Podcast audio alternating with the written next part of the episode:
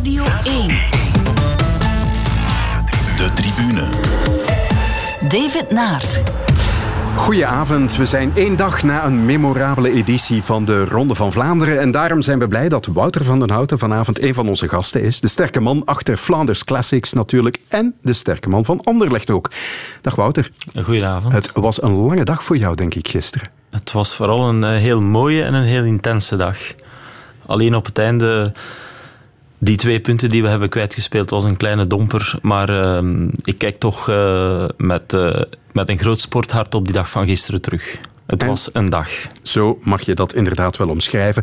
We gaan er dadelijk dieper op ingaan. Mijn tweede gast, die kennen we vooral als voetbalanalist, maar bij zijn vorige passage in de tribune toonde hij dat hij ook over de koers een stevig woordje kan meepraten. Dag Wim de Koning. Dag David. Ook voor jou was het een topweekend, neem ik aan. Ja, heel veel voetbal gekeken en, uh, en veel koers. Dus uh, weinig uit de zetel gekomen. Dat is het enige nadeel. Uh, mm-hmm. Met al die sportwedstrijden die eigenlijk nu zowel op hetzelfde moment doorgaan. Ja, en wij gaan trouwens al een heel lange tijd terug. Want Vertel. toen ik als jonge sportjournalist begon, was ik medewerker SV Waregem voor de morgen. En het was de grote periode van Waregem met Uur bij Hazard en met ene Wim de Koning in doel.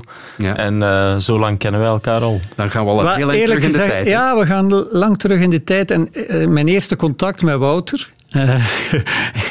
Nu weet ik ook, ik heb hem dat nog nooit verteld, maar nu weet ik ook dat hij dat onthouden heeft. Hij stond in de kleedkamer, want toen mochten journalisten nog in de Inderdaad. kleedkamer.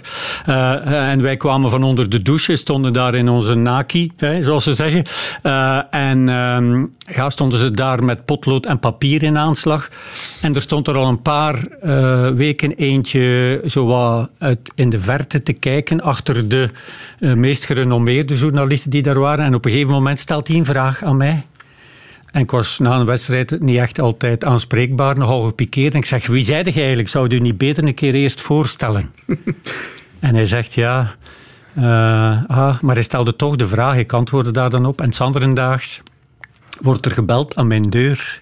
En staat daar een journalistje van de morgen met een grote bruine envelop. En zegt hij, kijk, dit zijn alle artikels welke ik al over Waregem geschreven heb dit seizoen. Ik ben Wouter van den Houten en ik volg de SCV voor, uh, voor de morgen. En ik hoopte dat hij dat vergeten was. maar hij weet het dus toch nog. Ja, ja dus uh, als ik dan...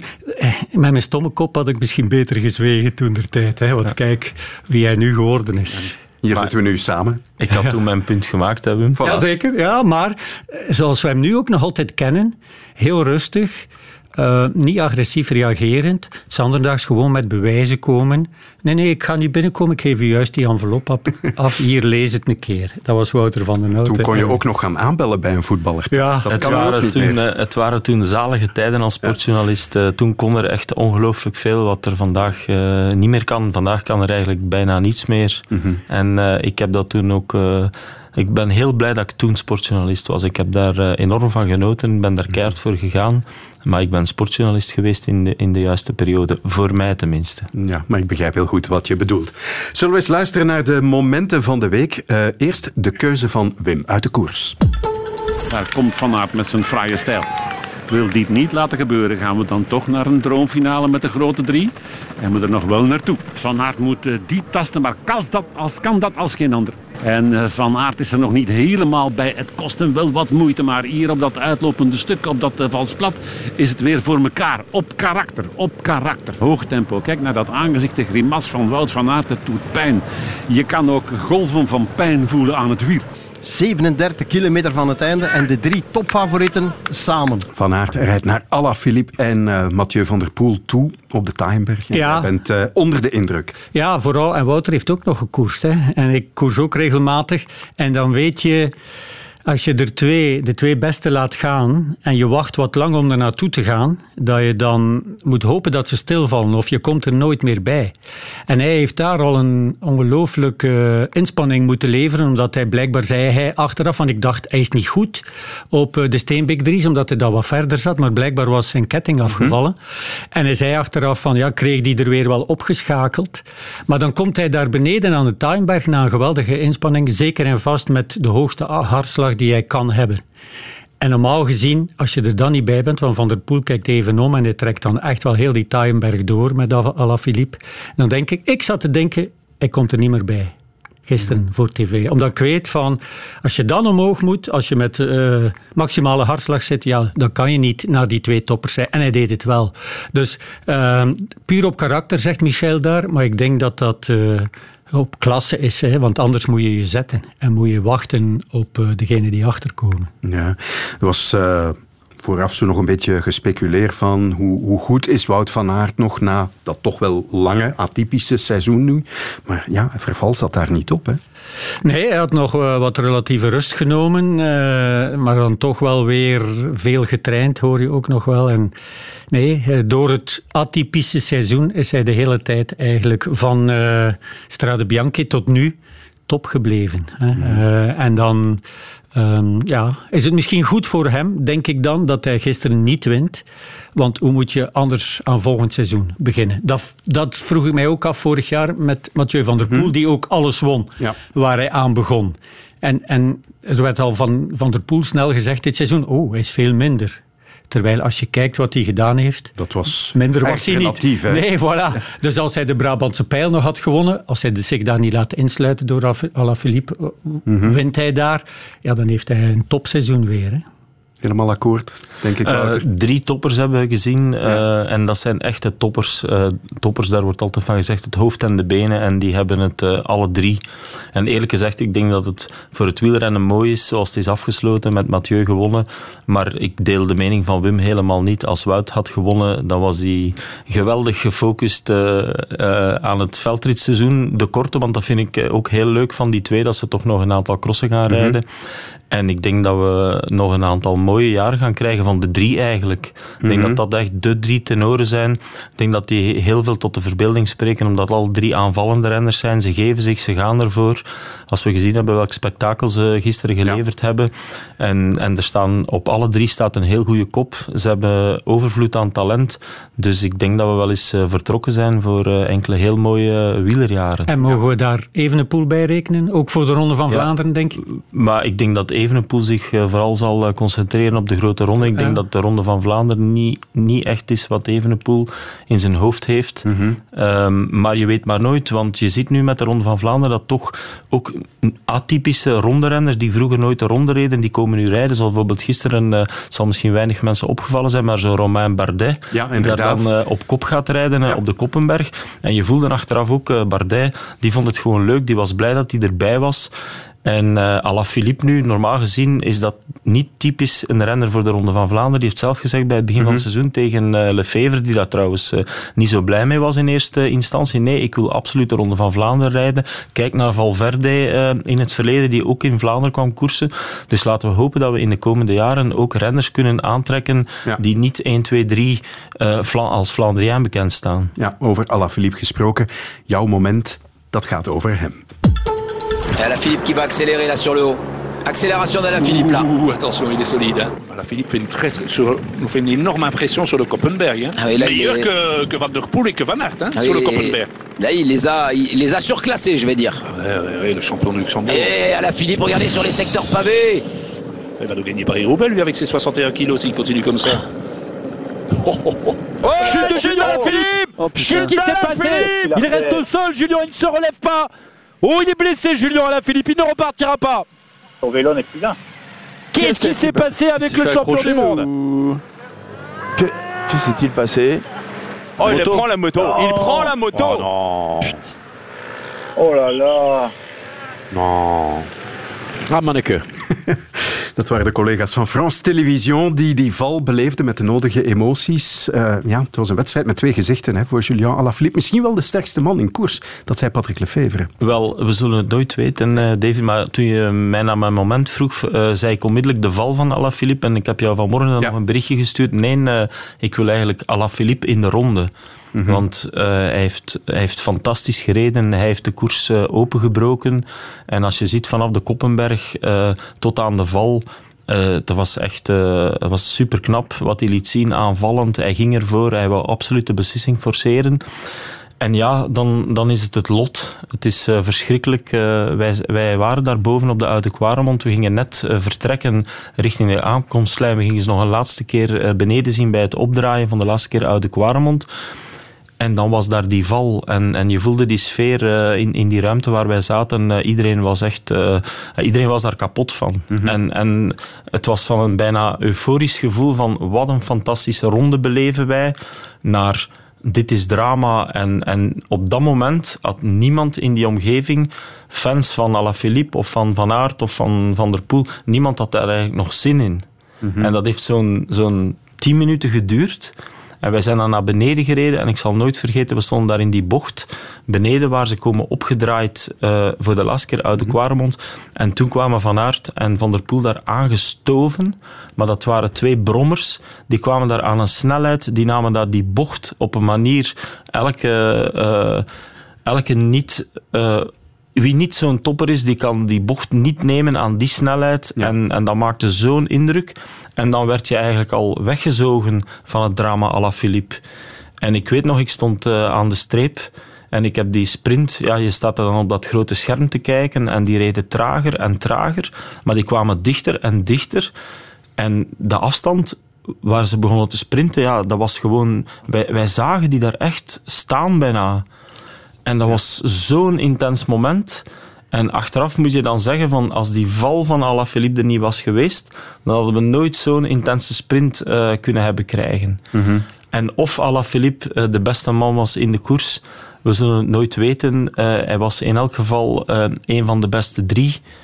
En wie er uiteindelijk de beste was, ik denk dat ze alle drie hadden kunnen winnen. Als die sprint tussen Van der Poel en Van Aert uh, tien keer opnieuw wordt gereden, dan zal Mathieu die zeker geen tien keer winnen. Dus ik denk dat we drie absolute toppers hadden die absoluut wilden winnen. En er is een stuk drama geweest. Dat heeft bepaald dat ze met twee naar de meet gingen. En dan heeft, zoals uh, Mathieu het zei, hij heeft de sprint van zijn leven gereden en hij heeft gewonnen. Dus chapeau, Mathieu van der Poel. Ja, want een kilometer of 50 van de meet toonden ze nog eens de gemiddelde wattages van een aantal toppers. Van Aert, Alaphilippe. Alaphilippe had toen onder 60 gemiddeld wattage maar getrapt. Dus die had nog heel veel over, terwijl hij al bijna 200 kilometer eh, de Ronde van Vlaanderen had gereden. Mhm. En dat zag je ook hè, op, uh, op de Koppenberg. Hè, waar normaal gezien op de Koppenberg gebeurt er relatief zelden iets in de Ronde van Vlaanderen de laatste jaren. Hè. Maar daar zette hij al aan, dus dat was echt wel geweldig. heeft hij jullie verbaasd? Ja, ja. Voor in zijn eerste ronde? Uh, nee, want voor, mij was, voor mij was hij mijn favoriet. Uh, ik had op Alaphilippe getipt, ook al omdat ik uh, hem al jaren volg. Ik heb hem uh, zien beginnen als jonge coureur bij Lefevre. Ik heb het van dichtbij meegemaakt. En, en de vooruitgang die die man heeft gemaakt, dat is echt spectaculair. En hij heeft vooral, eh, net als Mathieu en Wout, heeft een hele sterke kop. En het belangrijkste was dat hij heeft gezegd, ik wil die Ronde van Vlaanderen rijden. Mhm. Het was niet de ploeg die vroeg, zou jij dat misschien eens doen? Nee, hij had zelf vooraf bepaald, ik wil die Ronde van Vlaanderen rijden en ik ga die niet rijden om mee te rijden, ik wil die winnen. En en ja, het was, uh, maar het noodlot uh, heeft, heeft anders beslist. En of hij had gewonnen, we zullen het nooit weten. Want ja, wereldkampioen uh, had Luik was eigenlijk Luik moeten winnen. En gisteren was hij er wel heel erg dichtbij geweest, ja. ook natuurlijk. Want ja, velen denken dat hij op de Patersberg toch nog iets had kunnen doen tegen die twee. Maar daar, ja. ja dat gaan we nooit weten. Maar een motor heeft er anders over beslist. Ja. Enfin, ook niet helemaal. Hij is er tegenaan gereden natuurlijk. Dit zei Patrick Lefevre er gisteren na de wedstrijd over. Ik heb altijd een naam dat ik te kritisch ben, maar uh, een renner zoekt altijd de kortste weg. En uh, waarschijnlijk heeft de motor van Shimano de opdracht gekregen van de president van de jury om zich achter de koplopers te gaan uh, nestelen, zou ik maar zeggen. En die motor van de bond, ja, maar respect, maar die heeft daar niks te zoeken. Hè. Er waren drie weg, iedereen wist welke drie. Dus eigenlijk moeten die motors aan de buitenkant zitten, want het was een, een, een, een lichte bocht naar rechts. Dus de coureur zoekt altijd de kortste weg. Hij is betrokken partij natuurlijk, dus begrijpelijk wat hij zegt. Maar ja, het is toch heel genuanceerd eigenlijk allemaal wat, wat daar gisteren is gebeurd. Is daar iemand in de fout gegaan? Ah, het is koers. Ja, Het- en dat hoort een- erbij. Het was een drama, het hoort Ja. erbij. Het is jammer. Ik vind eerlijk gezegd, eh, chapeau dat eh, alle betrokkenen daar zo sereen eh, mee zijn omgegaan. Ook Patrick Lefevre, die betrokken partij was. Want je moet het maar meemaken dat je van de ene moment op de andere zit in een goede positie. En, en jouw kopman, die de beste indruk maakt op dat moment, die valt ineens op een dramatische manier weg. Dus ik vind dat Quickstep daar ook chapeau hoe ze daar zijn mee omgegaan. Ik heb gezien dat vandaag Alaphilippe ook al contact heeft gehad eh, met de motaar. Want die man die was er zelf ook het hart van in. Dus laten we zeggen, eh, jammer, eh brute pech. Eh, het hoort bij het wielrennen. We moeten er vooral voor zorgen dat we dat maximaal kunnen vermijden. Maar god ja, we kunnen daar nog een, een half uur eh, over, over doorbomen. Maar om daar nu een, een eenduidig iemand eh, de schuld te geven. Ik, Ja. die- en, en dat helpt alle Filip ook niet Nee, vooruit. want, want ze waren er wel van overtuigd bij Quickstep, de koning Quickstep, dat, eh, dat hij kon winnen tegen die twee. Hè? Want anders laten ze Asgreen en Lampaard meerijden met Bettiol en Madouas om er naartoe te rijden. Want als Al- Alaphilippe dan niet meer meerijdt met die twee en gaat zitten linkerballen, ja, dan komen die vier erbij en dan zitten ze met drie van de koning Quickstep. Dus ze waren er wel van overtuigd.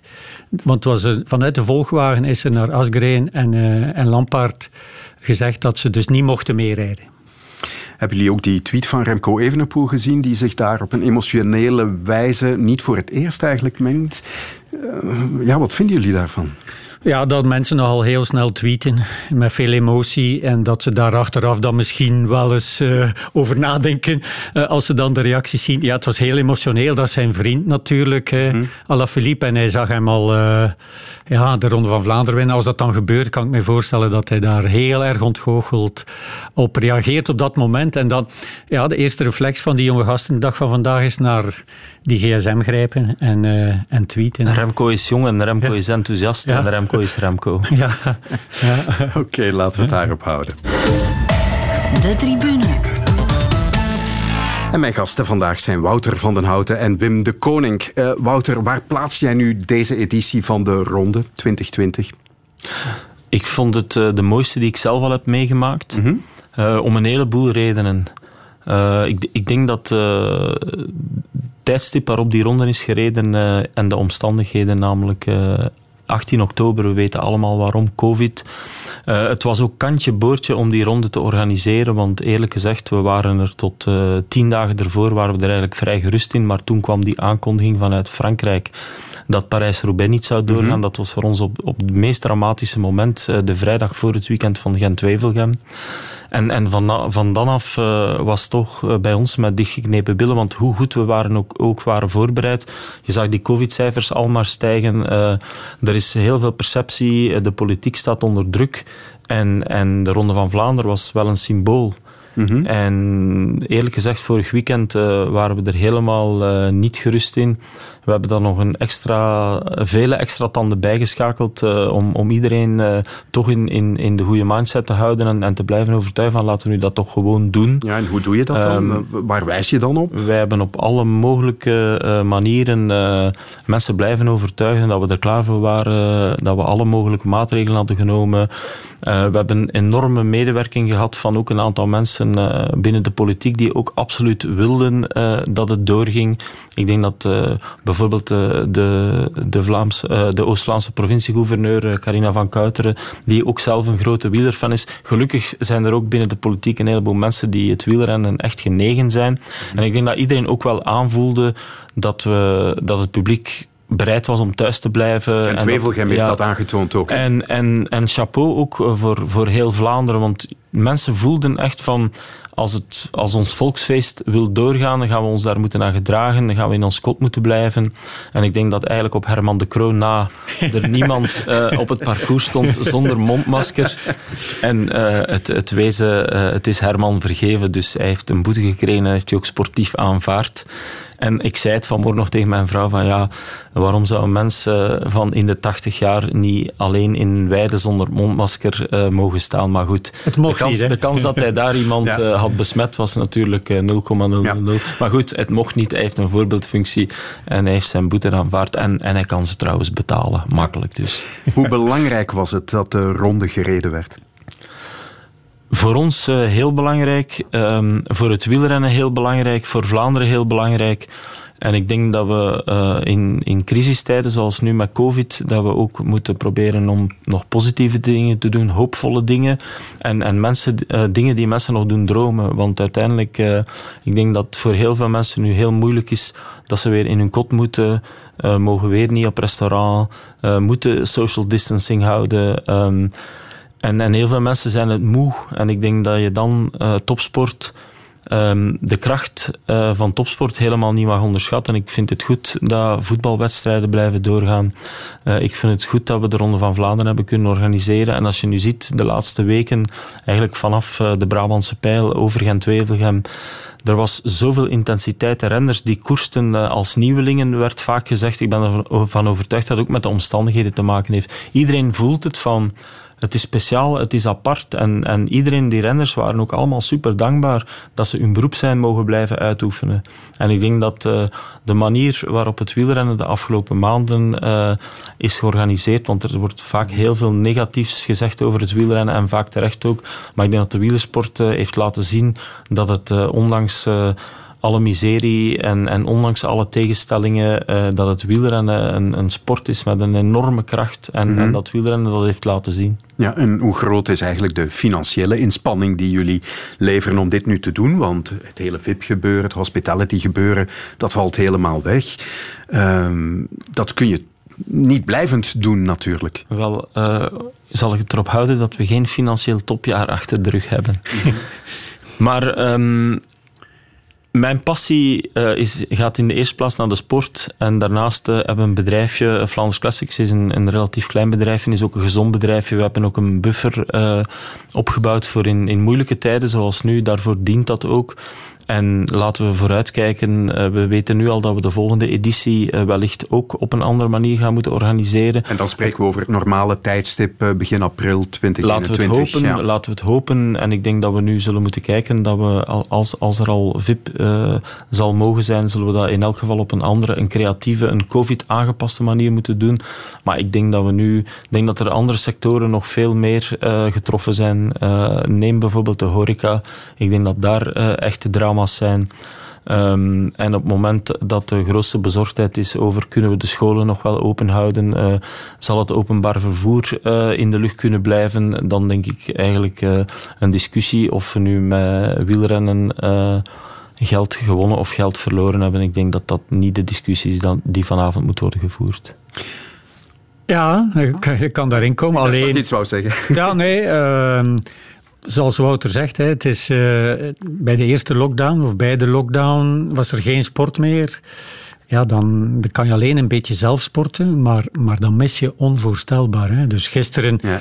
uh, iedereen wist van oké. Okay, als niemand gaat kijken op de bergjes en niemand gaat naar de rond, dan ga ik ook niks missen, want anders wil ik daar wel bij zijn. Dus gaan we allemaal thuis zitten kijken. Ja. En dat was, dat was een geweldige editie. En die beelden op de Oude Kwaremond, zonder volk, met die ijzingweg, de snelheid dat Van der Poel en, en Van Aert daarop rijden, ja, dat was om nooit te vergeten. En, en eerlijk, we hebben uh, qua kijkcijfers het, het absolute record net niet uh, verbeterd. Mm. Maar ik denk als, je, als er zoiets zou zijn als kwalitatieve kijkcijfers, namelijk de intensiteit van het kijken, dan ben ik ervan overtuigd dat er nooit intenser naar een wielerwedstrijd is gekeken als gisteren die Ronde van Vlaanderen. Ja, met een geweldige ontknoping, waarin deze Mathieu van der Poel nipt sneller was dan Wout van Aert ja, hoe trager de beginsnelheid en hoe langer dat we aan het wachten waren, hoe zelfzekerder dat ik werd. Omdat ik weet dat mijn aanzet gewoon heel goed is. Maar ik had zelf niet het gevoel dat ik de sterkste was van de twee, zeker niet. Maar ik heb uh, ja, gewoon de sprint van mijn leven gereden, denk ik. Er kwam heel veel emotie uit. Het zat heel diep, hè? Wat kwam daar allemaal naar buiten? Ja, heel het seizoen. Um, vooral het, het eerste tegenvallende stuk in Italië. Uh, toch best wel wat kritiek gehad, denk ik. Altijd blijven werken. Ik voel de laatste weken wel dat het beter en beter was. Ik had mijn zin op, op uh, Vlaanderen en Roubaix gezet. Roubaix valt aan weg. En ja, ik heb voor deze wedstrijd uh, heb ik zo hard gewerkt. Ja. ja, hij wou een echte koers winnen. Hè? Ja, Want, een monument. er net over. Zo slecht was dat seizoen nu ook weer niet van Mathieu van der Poel. En toch was daar die kritiek. Want ook in Italië, pech in de strade, maar in Milaan-San Remo zelfs hij vandaag. Ook, uh, ja, goed mee voor zeer. En zelfs hij vandaag in uh, de Ronde van Lombardije tiende. wat, hij zei van, zijn koers niet Nee, is, hij zei van dit was een geweldige prestatie van mezelf, want dit zijn helemaal niet mijn soort wedstrijden. Uh, Nederlands kampioenschap, hoe hij dat won. Van zover daar, en dan in de Bingbank. Ja, je kan alleen maar ja. supporter zijn.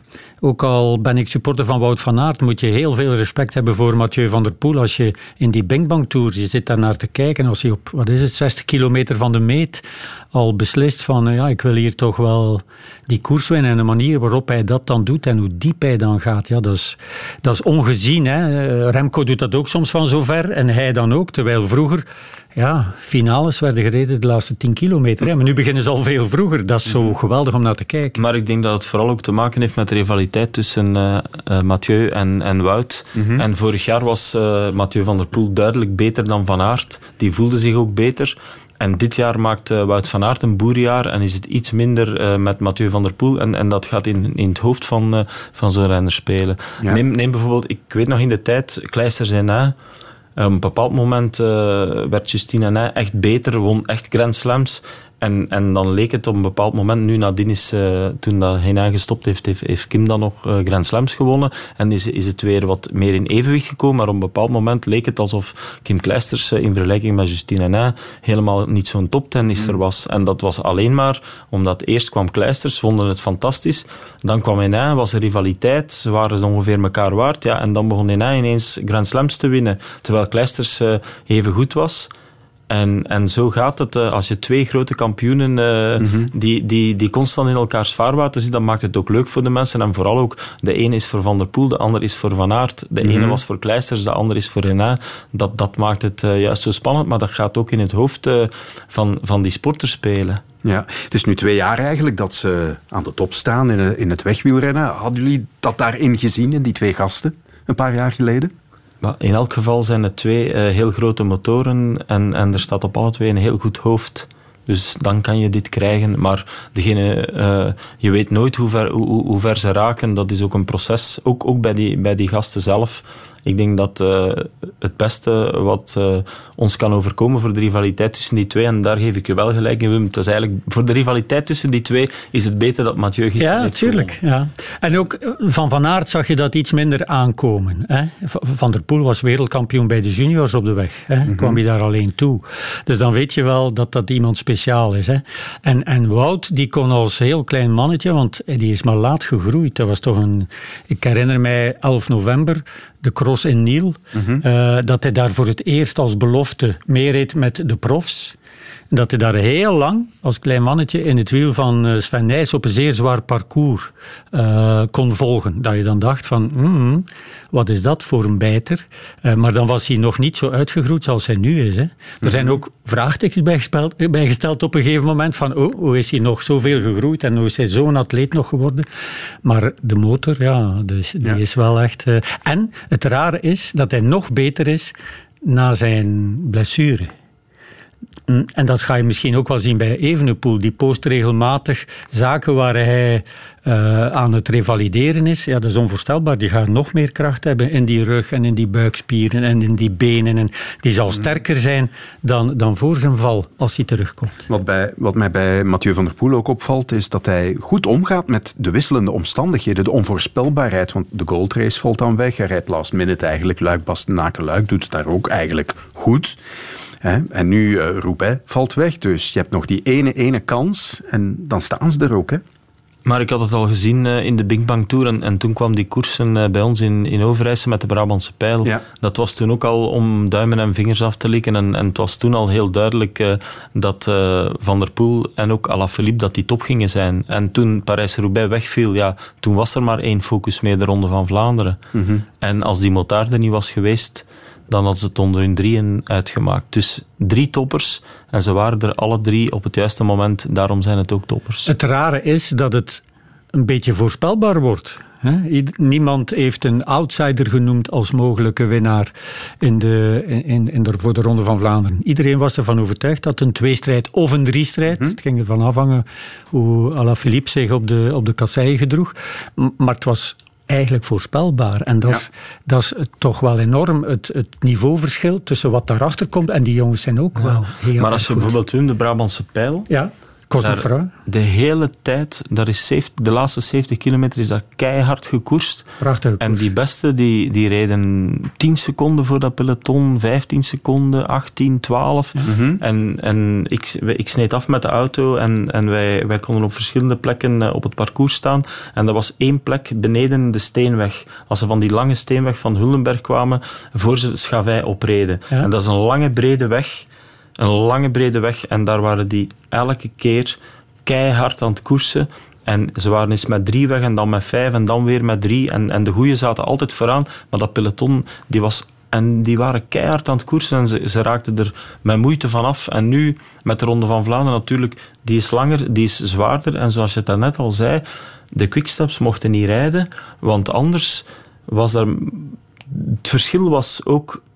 Ze waren de beste, Ja. maar het verschil is ook gemaakt omdat ze voorop waren en omdat achterin eh, er niet meer werd gereden. Dus, eh, en, en eens de drie goede weg zijn, want het was bijna een strijd, een strijd van man tegen man.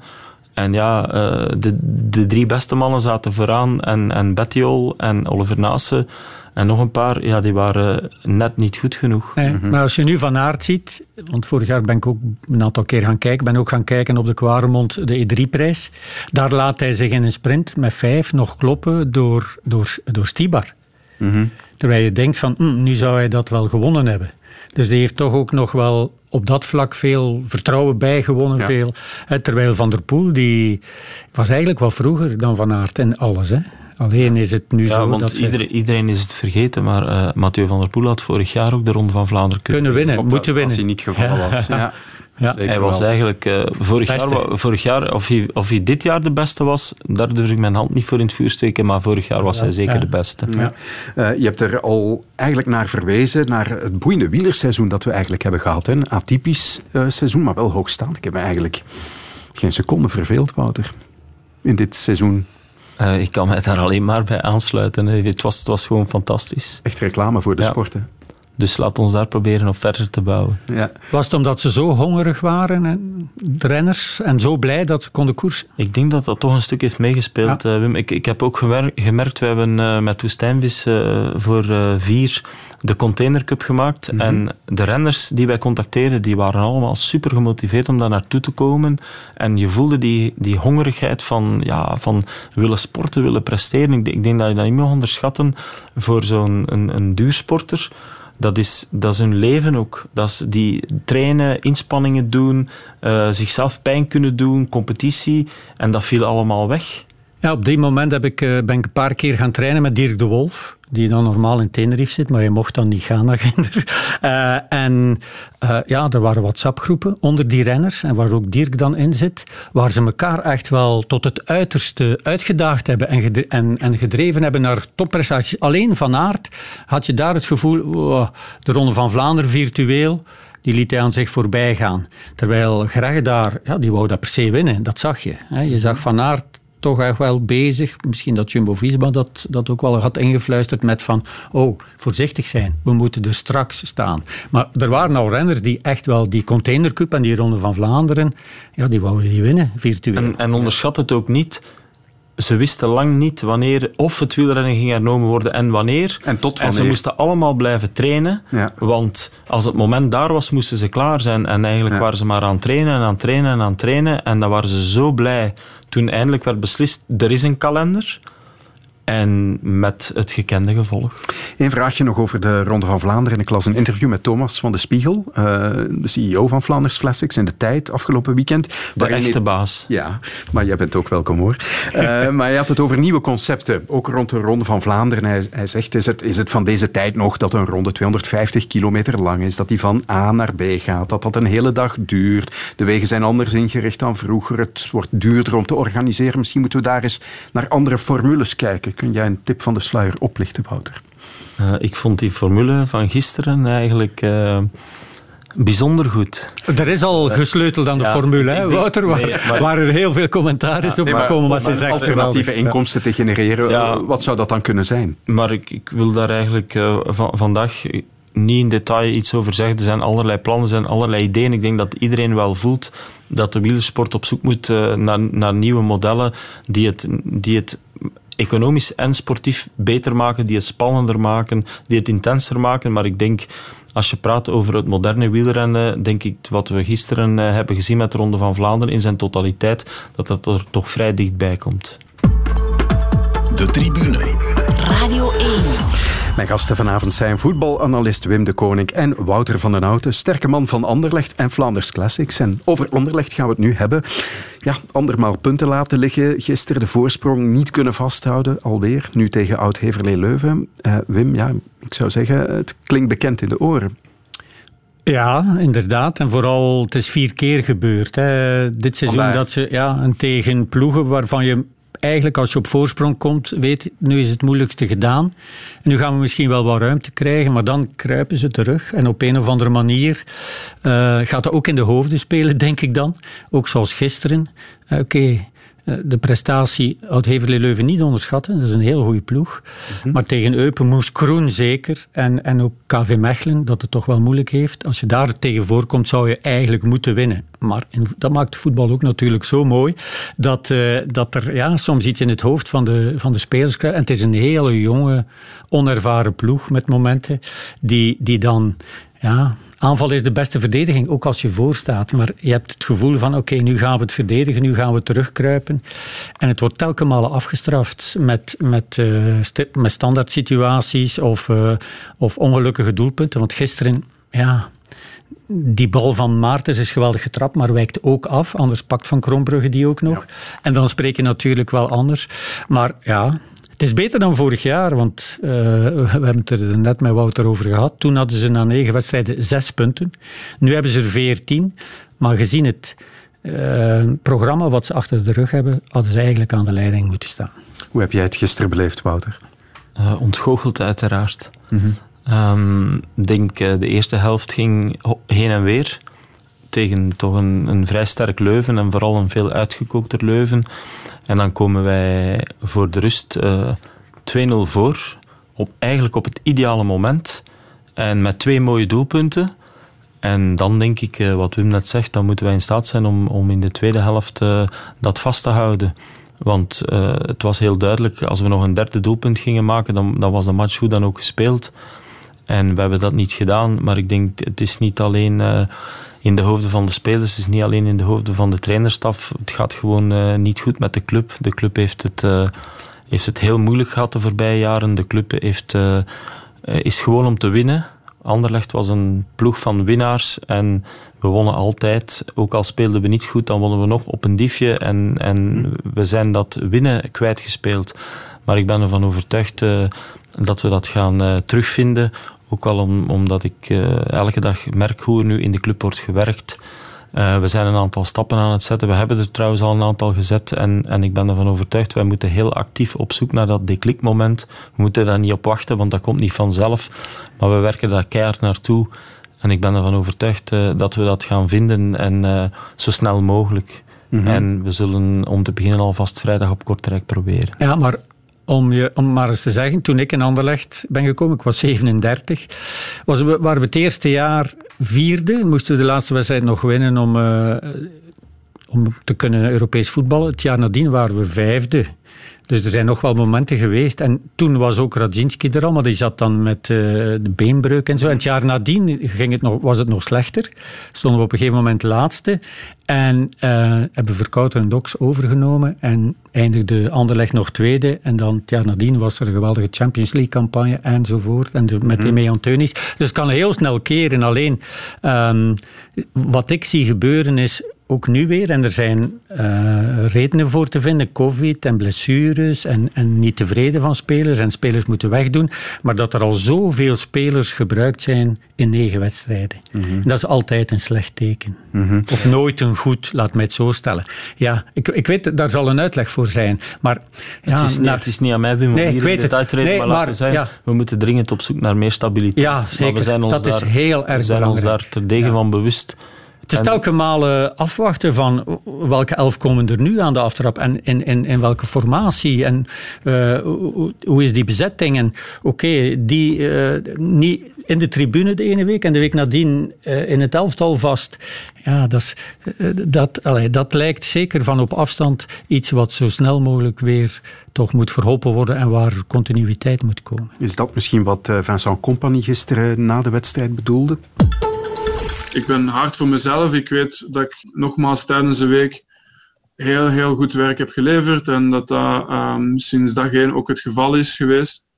Dat de jongens heel veel stappen hebben gezet. Niet alleen uh, de jongens die spelen, maar, uh, maar elke, elke speler in de groep. Maar uh, dan, dan, dan hebben we op matchdag vandaag niet kunnen brengen wat we moesten brengen. En, en ik vind dat die verantwoordelijkheid bij mij ligt. Ja, wat bedoelt hij precies daar? dat de verantwoordelijkheid bij hem ligt? Maar um, als ik daar iets wil over zeggen, uh, David, zal ik dat wel met uh, Vincent zelf bespreken. Als de druk wegnemen, natuurlijk. Hij, ja, moet vooral, hij, hij, moet vooral niet te veel druk op zichzelf uh, leggen. Die trekt hij nu wel naar zich toe, daardoor. Maar bewust ook, hè, om de spelers dat wat, is, dat wat, is, wat ademruimte Kijk, dat is in deze fase nergens voor nodig.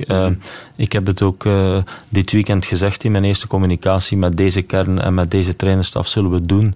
En we staan er samen voor. We verliezen samen, maar we gaan straks samen winnen. Ja. Mag ik daar nog, nog iets over zeggen, David? Uh, ja, hij zegt, ik werk keihard al van de eerste dag. Ja. Uh, maar op het veld doen we niet wat we moeten doen. Ik was trainer van Antwerpen hè, en ik werkte keihard. En die spelers werkten keihard. Hè. En uh, op een gegeven moment uh, zei Eddie Wouters van...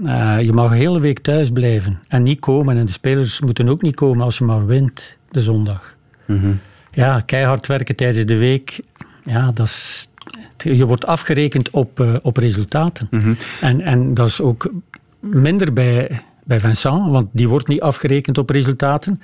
die gaat echt wel verder doen tot het -hmm. normaal gezien in orde komt. Maar dat kan nog een tijd duren, zeker uh, als je ziet hoe de club het nu moeilijk heeft. Ja, maar je hoort nu links en rechts, oh, uh, Anderlecht, uh, play-off 1, de top 4, dat is onmogelijk, ook vandaag nog. Maar als ik naar de stand kijk, dan zie ik, ja, het verschil met de koplopers is maar vijf punten. Ja. Dus dan denk ik, zoals jij, Wouter, in een van je interviews dit weekend, ik denk dat het bij Sportza was ook zei, van wij mikken op die top 4. Ja, uiteraard mikken wij op die top 4. Nee, nee, maar dat is ook realistisch nog altijd, denk ik dan, desondanks. Uh, we moeten gewoon zien dat we in de komende weken uh, niet te veel punten verliezen. In een moeilijker programma wel, natuurlijk. Ja, maar goed. Um, kijk, vorig jaar hebben we onze start, uh, zoals Wim daarnet zei, vorig jaar hebben we onze start totaal gemist. nu hebben we geen echt goede start gemaakt, maar we hebben een degelijke start en hier, hier kunnen we nog op verder bouwen. We zijn nog in de race mm -hmm. en we moeten gewoon zorgen dat we in de race blijven. En het, zal, het, zal nog, het duurt nog lang. En we mogen vooral uh, de moed niet verliezen, we moeten vooruitkijken. En we moeten de oplossingen vinden. En ik ben ervan overtuigd, we gaan die vinden.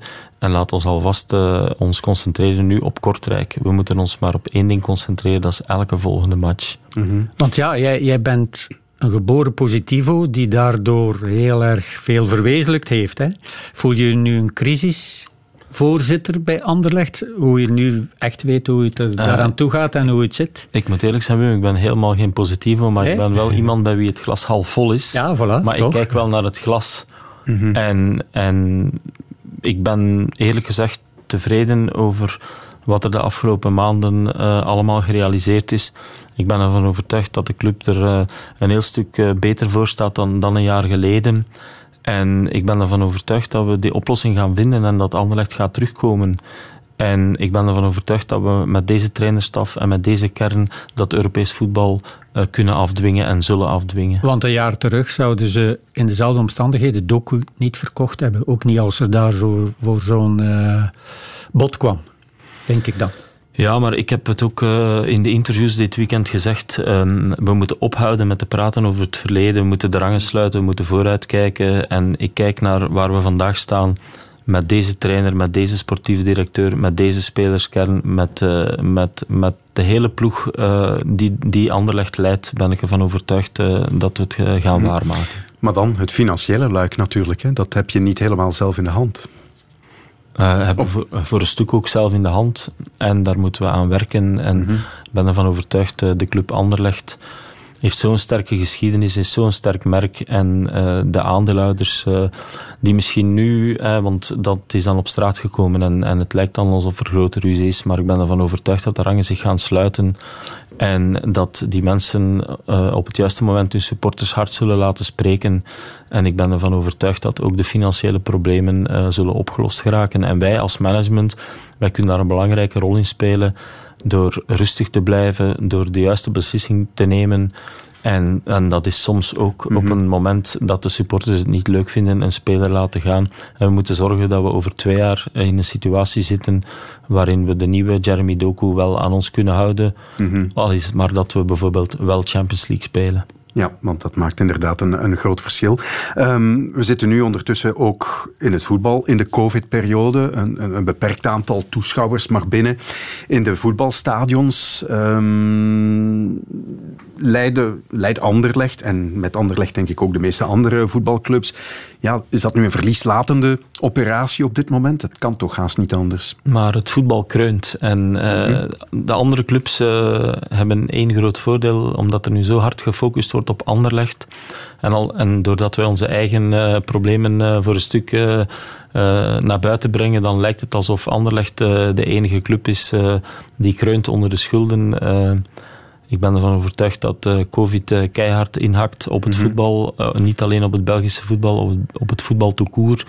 En het voetbal zal moeten oplossingen zoeken daarvoor. En, en we gaan nu moeten kijken wat er gebeurt. We zijn nu al blij dat we toch nog met publiek uh, mogen spelen. Mhm. Want er waren ook uh, de pessimisten hielden er rekening mee dat we weer uh, achter, voor achter gesloten deuren gingen moeten spelen. Gelukkig kunnen we nog wel publiek ontvangen. Gaat het zo blijven? Is, is dat zeker nu? Nee, dat is nog afwachten. Nee, nee, nee. Er zijn nu nieuwe maatregelen mhm. genomen. En, en laten we zeggen dat de compartimenten van 400 zijn nu teruggebracht op 200. Dat is allemaal een beetje technisch, maar het zal er toch op neerkomen dat er in de meeste stadions ja, minder volk zal mogen, maar er zal nog volk mogen.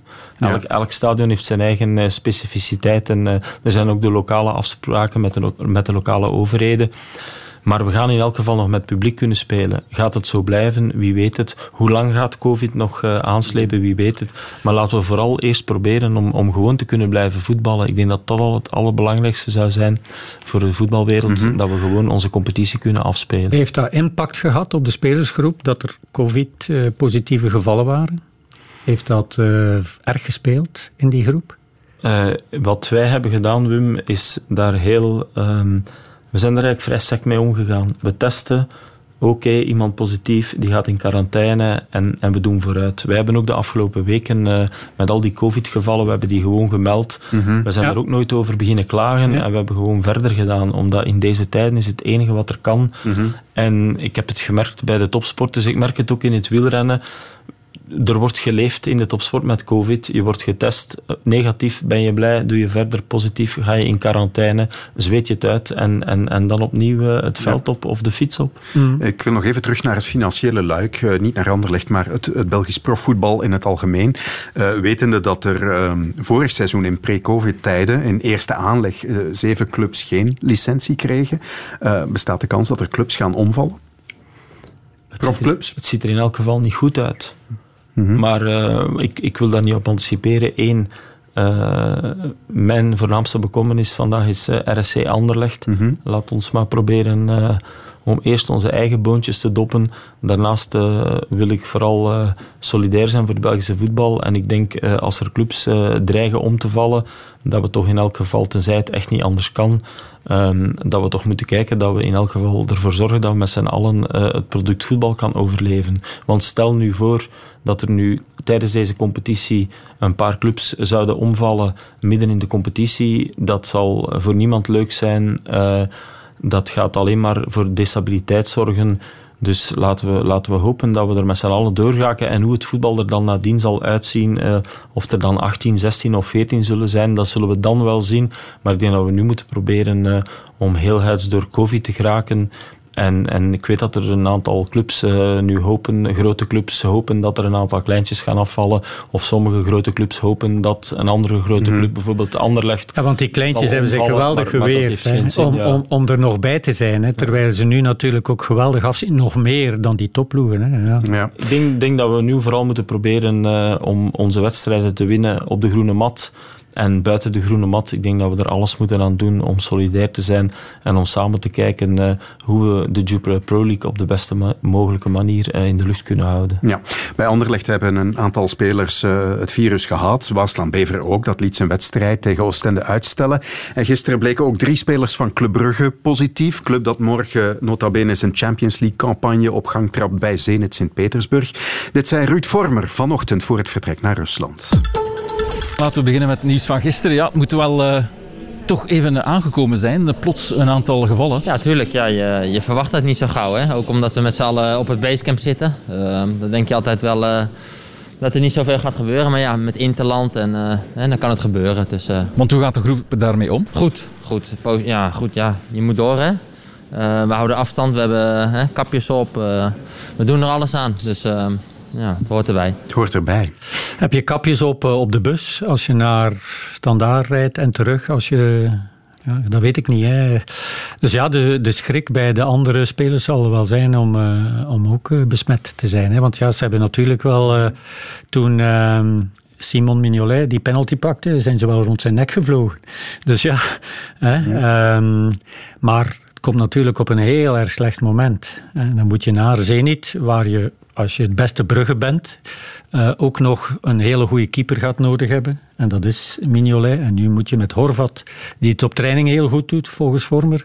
Maar die al, wat is het, twee seizoenen uh, geen wedstrijd meer heeft gespeeld mm -hmm. op dit niveau. Maar vooral de onzekerheid leeft nu. Onder, uh, was dat bij Anderlecht ook zo toen die eerste gevallen er waren? Van oei, wie nog? Maar eerlijk gezegd, David, dat begint en je denkt het te kunnen indijken. En er komt er nog één bij. En je zit zodanig in die routine van testen. Oef, die zijn negatief. Ah, een positieve in quarantaine. En het is zo, zoals, uh, zoals Vormer zei, ja, je moet door en je moet ermee leven.